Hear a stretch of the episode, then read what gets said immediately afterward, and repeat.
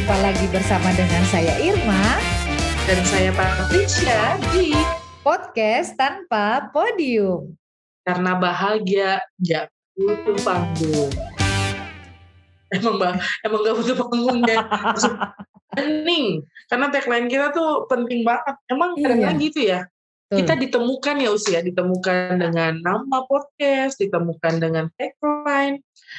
Dan pada akhirnya aku mau cerita soal panggung sih. Nah, bagaimana tuh? Uh, panggung panggung itu selain panggung sandiwara, tapi kayak lagu dong ya. Lagu ya. Tapi untuk bersandiwara bahkan untuk bersandiwara pun harusnya ada kesiapan gitu ya. Hmm, hmm. Panggung itu kan tempat orang-orang yang siap tampil sebenarnya. Ya, Cuman belakangan ini aku punya pengalaman buruk terkait dengan uh, orang-orang yang diberikan kesempatan untuk tampil tapi tidak mempersiapkan diri dalam penampilannya dan uniknya gitu ya merasa senang-senang aja. Persiapannya tuh di panggung gitu ya ampun.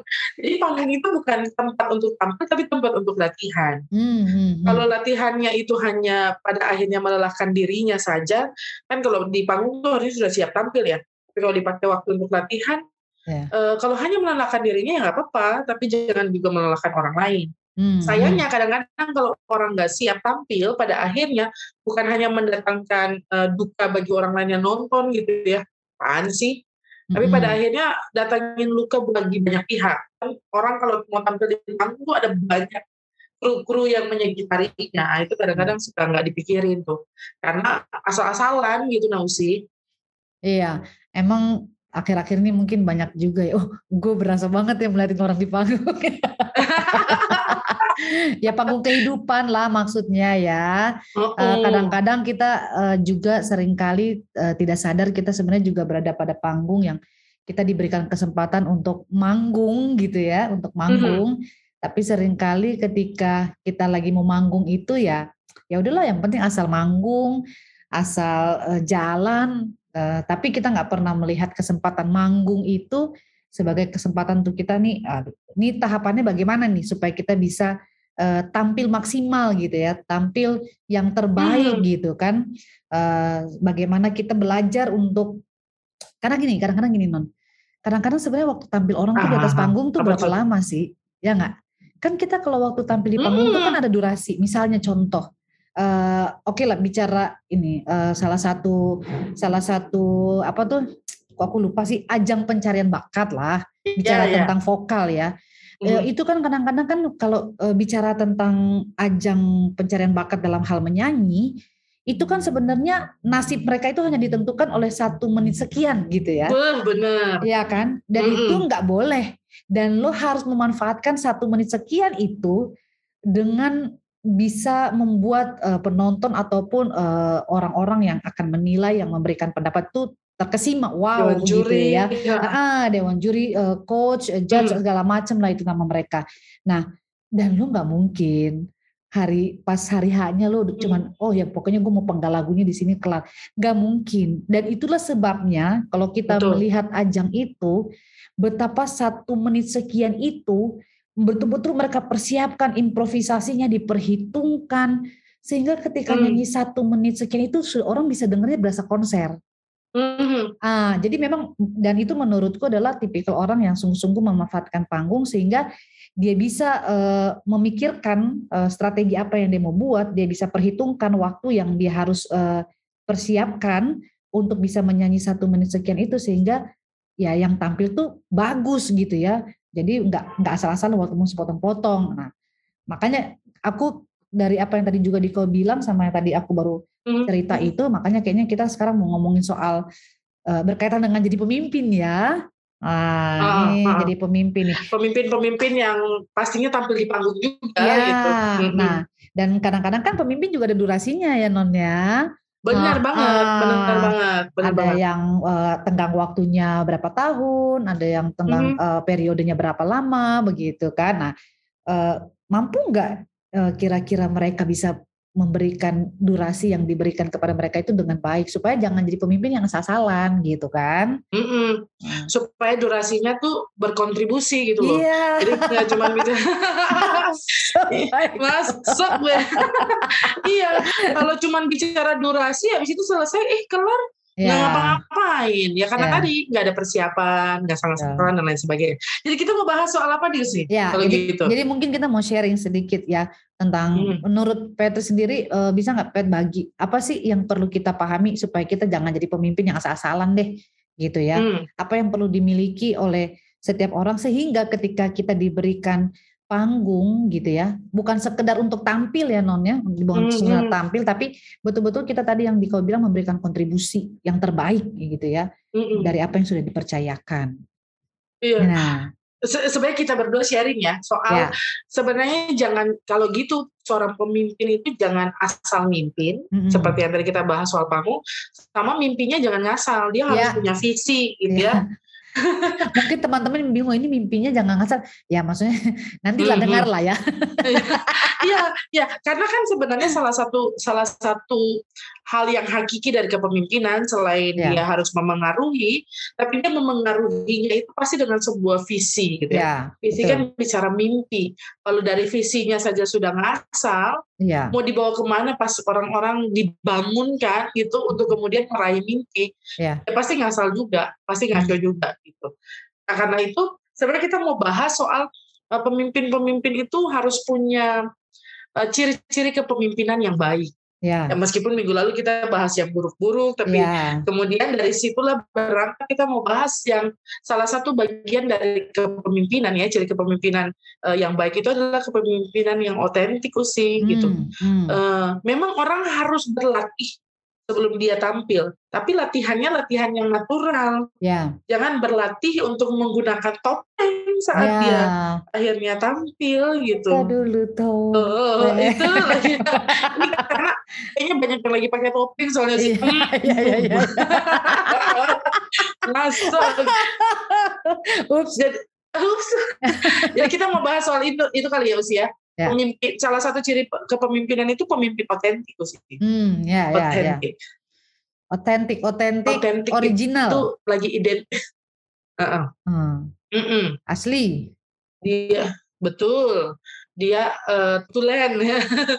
dia oh, kan dia nggak dia nggak sekadar supaya orang lihat citranya baik saja, tapi Ya. itu lahir dari sebuah semangat melatih diri dan memberi. Jadi betul kita harus tampil apa adanya, tapi jangan asal-asalan. Nah, pemimpin Ya. otentik itu dia tampil ada apa adanya, bukan tampil asal-asalan. Beda Yosi ya. Beda. Kalau tampil apa adanya itu kan memang ya itulah dirinya.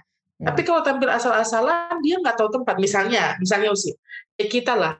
Kalau mau bicara soal sebagai perempuan, kalau lihat dari wajah-wajah kita berdua ini soal dandan pun kayaknya minimalis banget kita.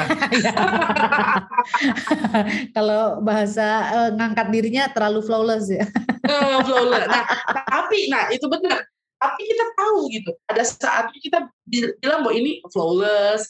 Kita tahu bahwa ada tempat-tempat tertentu yang kita harus menampilkan diri sesuai dengan konteksnya. Ya, Eh, itu bukan itu bukan palsu ya teman-teman ya. Hmm. Ada orang-orang yang berpikir oh berarti mudah dong. Kalau asal-asalan berarti rembes saja habis keramas Hmm. langsung pergi ya, pimpin ibadah kan dan sebagainya itu betul. beda beda banget dengan pemimpin otentik. Jadi Ya. bicara asli bukan bicara soal nggak boleh ngapa-ngapain, nggak boleh melatih diri supaya lebih baik, Ya. tapi justru dia melatih diri supaya lebih baik. Tapi ada beberapa cirinya tuh sih. Hmm. Yang pertama sih? Masuk Gue kaget gue disuruh yang pertama. menurut ini ya, eh way, teman-teman ini ciri-ciri menurut Cruz. Bacanya Ya. gimana? Ya Cruz Ya. lah ya, Cruz Cruz. di tahun 2013 lah. yang pertama itu pemimpin otentik itu dia harus punya self aware Apa dan tuh? Apa tuh? dan Oh, ya. tulus, self aware dan Oh. tulus gitu ya. Ah, Hmm, artinya hmm. bahwa dia tahu apa yang menjadi kekuatannya, dia tahu apa yang menjadi kelemahannya serta dia tipikal emosionalnya nih kayak apa gitu ya. Hmm. Apakah cenderung sensitif atau cenderung cuek-cuek bagaimana gitu ya.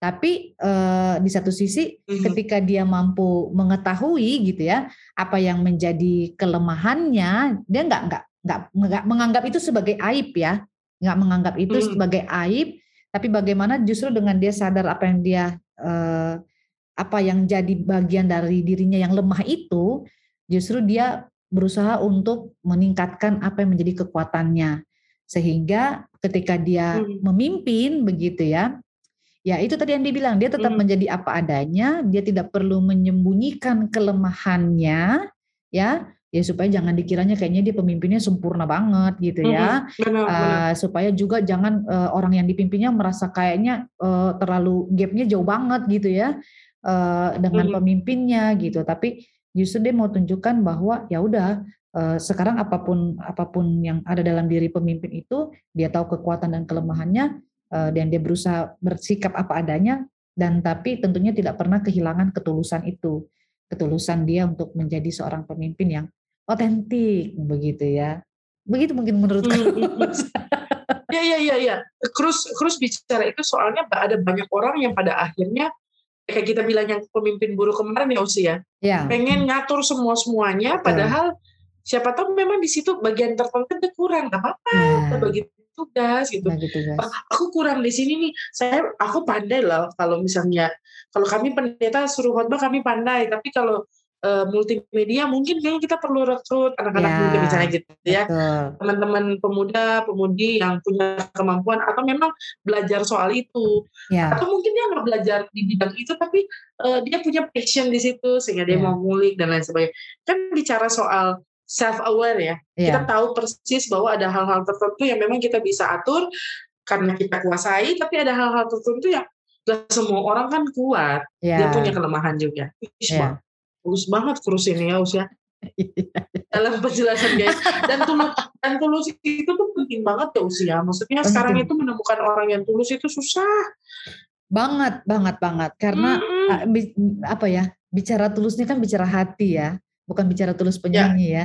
bicara hati. -uh. Artinya eh, setidaknya ketika dia menjadi pemimpin yang tulus, dari hatinya pun dia sudah punya niat yang bersih gitu ya, niat yang positif hmm. gitu ya, uh, sehingga Benar. sehingga dia akan berusaha untuk uh, supaya jangan sampai kelemahannya juga jadi jadi batu sandungan gitu ya. Uh, bagaimana kelemahan Betul. dia itu juga dia berusaha berdamai uh, dan dia lebih meningkatkan apa yang menjadi kekuatan dia supaya yang dari hati yang tulus itu niat baik, niat positifnya itu semua akan tersampaikan dengan baik begitu. Tulus itu penting banget kalau menurutku. Apa lu hasus-hasus? Benar. yang kedua apa sih? Yang kedua, yang kedua itu yang bawah. yang kedua itu yang uh, ada ada juga kaitannya dengan tulus ya. Cuma kalau menurutku ini kan yang kedua ini adalah memimpin dengan hati. Nah, hmm, hmm. memimpin dengan hati. Uh, artinya bagaimana ya memimpin dengan hati ini ya? Uh, gini, uh, kadang-kadang yang yang menjadi kekeliruan dalam satu ya katakanlah mungkin organisasi atau dalam satu komunitas hmm. gitu ya terhadap ya pemimpin dan yang orang dipimpin itu tuh kayak nggak nggak connect begitu non apa sih ya, uh, ya kayak, kayak contohnya kayak kita lah ya, oh kayak kita. Maksudnya kita berdua nih kadang-kadang belum ngomong aja udah tahu apa yang mau kita omong gitu ya. Saking terkoneksinya aja. Dan benar. kita selalu bilang sehati gitu ya. Uh, dan kadang-kadang mm -hmm. kita nggak sadar mm -hmm. bahwa dalam memimpin itu butuh ada yang namanya kesehatian gitu ya. Uh, ya nggak mm. heran lah ya dalam firman Tuhan juga yang namanya sehati itu selalu di didengung-dengungkan selalu di sounding gitu ya. Karena memang memimpin dengan hati itu akan membuat orang bisa nih orang yang dipimpin ini bisa nangkep nih hatinya pemimpin ini seperti apa gitu hmm. ya. Uh, apa mau bagaimana gitu.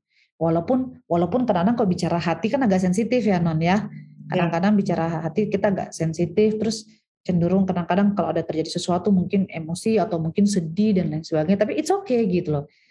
Emosi-emosi itu adalah emosi yang baik asalkan memang itu bisa tersampaikan juga dengan cara yang baik supaya kalau pemimpin misalnya pemimpin ini semoga aku nggak nggak ini ya sepaham dengan Cruz maksudnya.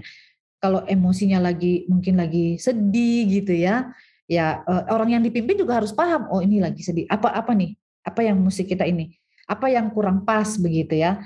Uh, ataupun juga ketika pemimpin melihat bawahannya juga kok kayaknya uh, kerjanya makin nggak fokus nih gitu ya. Uh, apa nih apa nih yeah. yang yang miss gitu ya. Oh siapa tahu mereka punya persoalan di keluarga mungkin atau mm -hmm. di di sekolah. Jadi uh, jadi hati itu bukan uh, sekedar bicara uh, memimpin dengan terus tapi hati juga bicara tentang bisa saling memahami satu dengan yang lain. Gue berasa kayak ya, ya, ya, tapi tapi benar maksudnya kadang-kadang tuh pemimpin itu dia hanya jadi gini, orang kalau memimpin dengan hati, mm. uh, siapa pun ya rekan sekerjanya, bawahannya, ya, teman-teman mungkin sekarang bekerja di posisi atas atau yeah. mungkin ketua GP, ketua Polka dan lain sebagainya, atau mungkin kita KMJ, EJ gitu ya. Kita yang memimpin itu kalau kalau orang tahu hati kita, kita mau marah juga orang maklum. Maksudnya yeah. marah marah karena pekerjaan ya, bicara yeah. secara profesional ya, yeah. tegas dan lain sebagainya. Yeah kita raut muka kita kecewa pun orang jadi aduh nggak enak nih gitu hmm. sama dia gitu karena uh, kita orang jadi tahu hati kita yeah. oh gini kadang-kadang ya uh, kita dikenal orang sebagai orang yang misalnya punya karakter tertentu yang mungkin negatif di mata orang lain hmm. tapi orang yang pernah bekerja dengan kita kalau tahu kita memimpin yeah. dengan hati dia akan bilang sendiri enggak orangnya baik kok hmm emang casingnya aja begitu Casing. emang cara kerjanya aja gitu iya, iya, iya, iya. isi hati tuh sih betul uh, memang nggak ada nggak ada yang persis isi hati orang lain tapi kalau yeah. kalau kita menyentuh hatinya yeah. ada yang sentuh hatinya yeah, jangan dong betul betul betul walaupun kalau kata Oma ya uh, hmm. apa rambut sama hitam tapi hati siapa yang tahu ya. Nah itu betul, itu jadi betul. jadi kita harus memahami betul isi hati orang. Benar. Itu yang kedua, yang ketiga sih. yang ketiga, yang ketiga ini pemimpin autentik ini menurut si Cruz ini adalah mission drive, uh, mission driven ya, mission driven, driven, ah. driven dan fokus pada hasil jadi tidak berfokus pada hmm. tujuan pribadi dan melakukan pekerjaan untuk mencapai hasil, bukan untuk kekuasaan. Jadi bicara dia fokus memimpin itu untuk kepentingan banyak orang, gitu ya. Hmm. Tapi ketika dia mau bicara tentang hasil, dia bicara tentang hasil, maka dia tidak akan menggunakan atau menjadikan kekuasaan itu sebagai alat, gitu ya uh, untuk kekuasaan itu alat oh iya tujuan. maksudnya nah. ke, ah, kekuasaan nah. itu alat bukan tujuan begitu ya hmm. uh, jadi uh, kuasa itu dalam artian dengan posisinya gitu ya dengan posisinya hmm. dengan jabatannya sebagai seorang pemimpin itu bukan untuk apa tadi non bukan untuk uh, menunjukkan dia punya kekuasaan tapi posisi jabatan itu dipakai untuk bisa dia membawa orang-orang yang dipimpinnya menuju hasil yang diharapkan. Begitu. Orang kadang suka salah mikir sih. Ya. Seolah-olah orang bilang eh, yang penting proses bukan hasil akhir gitu. Jadi tapi ya. seolah-olah kesannya kayak hasil akhir fokus pada hasil bukan yang utama enggak juga yeah. justru karena kita mau hasilnya bagus makanya kita fokus pada proses gitu yeah. seolah-olah kalau orang fokus pada hasil itu enggak baik enggak justru yeah. karena dia fokus pada hasil akhir maka prosesnya juga harus baik yeah. makanya yang dikendarai adalah misinya gitu misi misinya yang digerakkan gitu yeah. lalu bukan misi pribadi kayak tadi Usi bilang pemimpin yang otentik itu dia menggerakkan misi bersama gitu hmm. misi kalau dia pemimpin di organisasi misi organisasi bukan misi pribadinya ya. karena kalau misi pribadi dia akan beruntung kan gitu Betul. lalu fokus pada hasil akhir itu ya itu tadi bahwa uh, karena dia tahu hasil akhir harus menguntungkan semua pihak Betul. meskipun itu nggak mudah ya dia mau melaksanakan tugas tanggung jawab memengaruhi, ya. memfasilitasi, memediasi ya. dan lain sebagainya itu mengkoordinasi hmm. dengan sebaik-baik mengkomunikasi dengan ya. sebaik-baiknya gitu. Itu ya Usi. Betul. Yang terakhir, terakhir. Yang terakhir, pemimpin yang otentik itu menurut Cruz adalah fokus pada jangka panjang. Nah, ini menarik hmm. ini ya kalau kita punya pemimpin otentik yang selalu ya, punya ya. fokus pada jangka panjang. Uh, jadi bukan cuma berpikir jangkanya hmm. dia doang, jangka dia doang gitu ya. Betul. Tapi pada betul, jangka betul. panjang gitu. Jadi uh, dan untuk bisa mencapai uh, apa fokus pada jangka panjang itu atau hasil jangka panjang itu itu perlu perlu effort yang besar ya non ya. Benar-benar harus sedia Benar. membimbing orang model seperti ini dia harus punya jiwa memelihara gitu ya. Orang harus, atau harus uh, ini siap mem, mem, apa ya mengkader ya usia ya? Mengkader nah. kaderisasi eh, regenerasi segala macam Uh, jadi supaya ketika dia uh, tiba-tiba tidak lagi ada dalam uh, posisi itu ya orang nggak langsung kayak pincang begitu gitu ya. Hmm. Tapi Hmm. memang sudah ada, ada udah ada orang-orang yang memang sudah dibimbing, sudah memang ada orang-orang yang sudah di, dilatih, eh, diberikan eh, pengetahuan, diberikan pendidikan yang dibutuhkan dalam melanjutkan misi berikutnya dan itu juga memang eh, melakukannya harus dengan penuh kesabaran, kerja keras, nggak bisa asal-asalan makannya. Kalau untuk yang seperti itu supaya fokusnya jangka panjang begitu. Benar, benar. Karena uh, kalau kita mau komunitas kita langgeng, ya nggak cuma bisa mikirin yang jangka pendek aja. Ya. Dan kalau pemimpinnya hanya fokus pada yang jangka pendek, itu asal-asalan kan karena dia Ya. karena mimpinya mungkin mulainya dari mimpinya ngasal ya udahlah yang penting jalan Iya. nggak punya mimpi yang akhirnya memikirkan yang ke depan gitu akhirnya asal mimpin juga tuh jadi Iya. ya udah yang penting beres misalnya misalnya kalau kita punya eh, harta lah gitu dalam Iya. sebuah komunitas apa pun bentuknya ya entah materi entah benda kalau mikirnya cuma jangka pendek ya udah dipakainya asal-asalan gitu Iya. ya udah oh, mungkin cuma buat konsumsi doang Ya. atau mungkin cuma buat kalau misalnya kendaraan ya kalau misalnya jual kalau rusak jual aja Ya. eh, dan ya. eh, jual murah aja nggak mikir yang ke depan atau nggak usah dipelihara gitu yang tadi kayak Ya. Lucy bilang apalagi manusia manusianya gitu ya udah yang penting kitanya aja teman-teman kita aja orang-orang dekat kita Ya. aja yang sukses Betul. yang pintar kita doang gitu yang lain Iya. nggak usah padahal butuh pemimpin yang nggak asal-asalan yang Iya. salah satunya itu sih ya dia Iya. harus pikir jangka panjang kalau komunitas ini mau bertahan apa pun ya apa pun gereja organisasi sosial mau bertahan ya kita Iya. harus mikir jangka panjang Iya. Ah, ah, Dan memang dan aku sepakat memang dengan Kus ya ketika dia juga menambahkan bahwa dan untuk bisa fokus pada jangka panjang itu orang butuh sabar dan harus kerja keras. Ya Ya kan dan itu bukan proses yang satu dua hari. Kadang-kadang ini tiba-tiba jadi refleksi ya Nun ya. Kadang-kadang heeh. kalau udah akhir-akhir begini cuma nanya, gue udah bikin apa ya? gitu ya. ya Gue bikin akhir-akhir apa tuh akhir tahun gitu ya. Hmm, Jadi mikirnya ada yang kalau baru di akhir tahun nanti nih. Jadi mikirnya tuh kok eh, eh, bener juga ya. Maksudnya kadang-kadang itu yang eh, yang miss mungkin ya dari dari persiapan-persiapan yang kita buat ketika kita memulai satu eh, bentuk pelayanan. Khususnya kita pendeta lah ya. Ketika kita masuk dalam pelayanan yang baru gitu. Kadang-kadang mungkin kita nggak punya waktu untuk fokus pada itu karena tiba-tiba sudah harus adaptasi dan lain sebagainya. Eh, ketika sudah waktunya mau pergi, apa ya? sudah ya benar apa apa yang sudah mau dibikin ya kadang-kadang kita eh, eh, apa ya eh, sadar nggak sadar kadang-kadang kita bilang ih bener ya ih ya ampun waktunya kok berjalannya cepet banget ya gitu ya. Jadi pertanyaannya Hmm, udah bikin apa ya? Apa aja ya? Kan disuruh bikin laporan kan? Betul betul. Iya gitu. Betul. Sambil kadang-kadang orang hanya lihat dari harta yang ya. bertambah. Bukan pada bangunan. usaha uh, bangunan yang bertambah.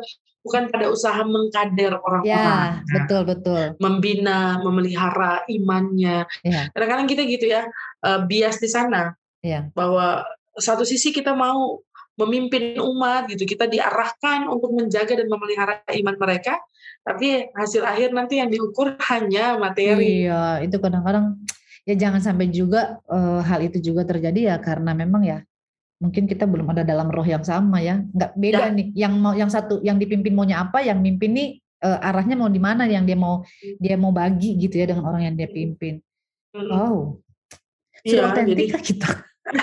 itu dia sudah otentik kita pertanyaan mendasarnya itu sungguhkah kita memang mim- memimpin dengan baik dengan persiapan-persiapan yang matang atau asal-asalan Ya. sudahkah kita juga membangun mimpi bersama yang Ya. tidak asal-asalan gitu jangan Betul. ngasal bermimpi jangan ngasal kemudian memberi mimpi pada orang yang kita Ya. pimpin Ya. jangan ngasal iya kan kalau kita cuma ngasal memberi mimpi akhirnya Ya. kita sendiri tidak mau mewujudkannya orang lain kecewa kan begitu Ya, betul. Gitu. Lalu Betul. banyak luka-luka yang ada dan seterusnya.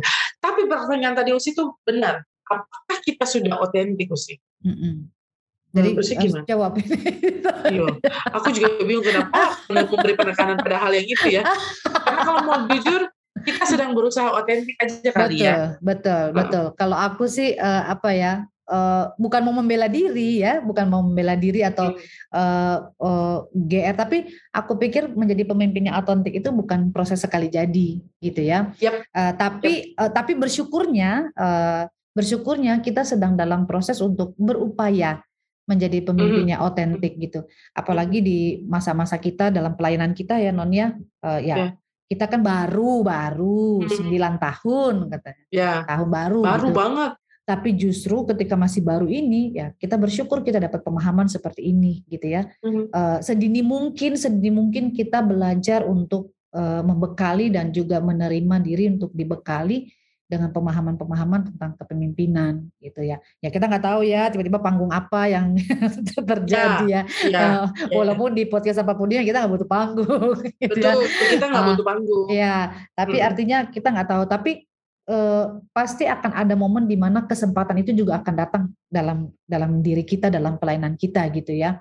Eh, dan dan men, menjadi perenungan buat kita apakah saya sudah menjadi pemimpin yang otentik? Ya kita tetap belajar kita tetap berupaya. Semoga hmm. semoga orang-orang mendapati kita sebagai pemimpin yang otentik gitu ya. Uh, ya, ya uh, mungkin mulailah dengan uh, tapi kalau bicara hati ya bolehlah kita bilang bahwa hatinya otentik lah ya. Ya ya ya ya. Tulus. Iya. Tulus sampai-sampai apa? Eh enggak salah. sampai dimodusin ya. Tapi kita tulusnya gitu. ya, ya itu ya. ya. Uh, apa ya pokoknya seperti itu kita dalam proses belajar kalau menurutku dan dan memang itu bukan proses belajar yang mudah ya yang mudah karena kalau sudah tiba-tiba uh, contohnya kayak aku berkeluarga mungkin pet juga kemarin sudi gitu ya itu kan wah kita harus menjaga hmm. betul kita punya ritme supaya tetap uh, bertahan dan juga kita punya fokus jelas dan pelayanan kita juga efeknya bisa jangka panjang buat orang-orang hmm. yang kita layani. Ya, teman-teman, uh, kalau tadi kita bilang podcast tanpa podium nggak butuh panggung, maksudnya panggung-panggung yang kemudian yeah. diidamkan banyak orang yang bukan karena yeah. kesiapannya tampil mungkin itu ya. Yeah. Jadi kayaknya ini kita dapat refleksi juga terkait dengan nama kita. Jadi bukan berarti siapa sih yang nggak butuh podium untuk menyuarakan. Yeah, kita butuh perlu. podium sebesar mungkin juga untuk menyuarakan apa yang eh, kita impikan dan idam-idamkan untuk pembaharuan. Tapi maksudnya tanpa podium di sini adalah podium-podium yang kalau kita nggak siap ngapain kita naik ke podium kan itu. Betul. Dan kalau memang kita nggak punya kalau kita belum punya kesempatan untuk ada di podium itu, ya udah bersyukur aja. Iya. Kita nggak perlu jegal orang untuk iya. naik ke podium-podium tertentu. Dan justru waktu itu dipakai untuk mempersiapkan diri lebih baik lagi supaya Betul. ketika kesempatan itu datang, oke okay, silakan. Your, apa apa bilang? The stage is yours. Ya, yeah, stage is yours.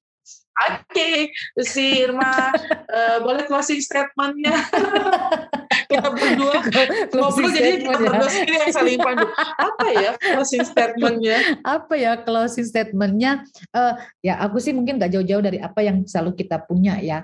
Aku pikir uh, setiap kita tentu punya hati yang baik. Aku pikir begitu. Kita selalu punya hati yang baik.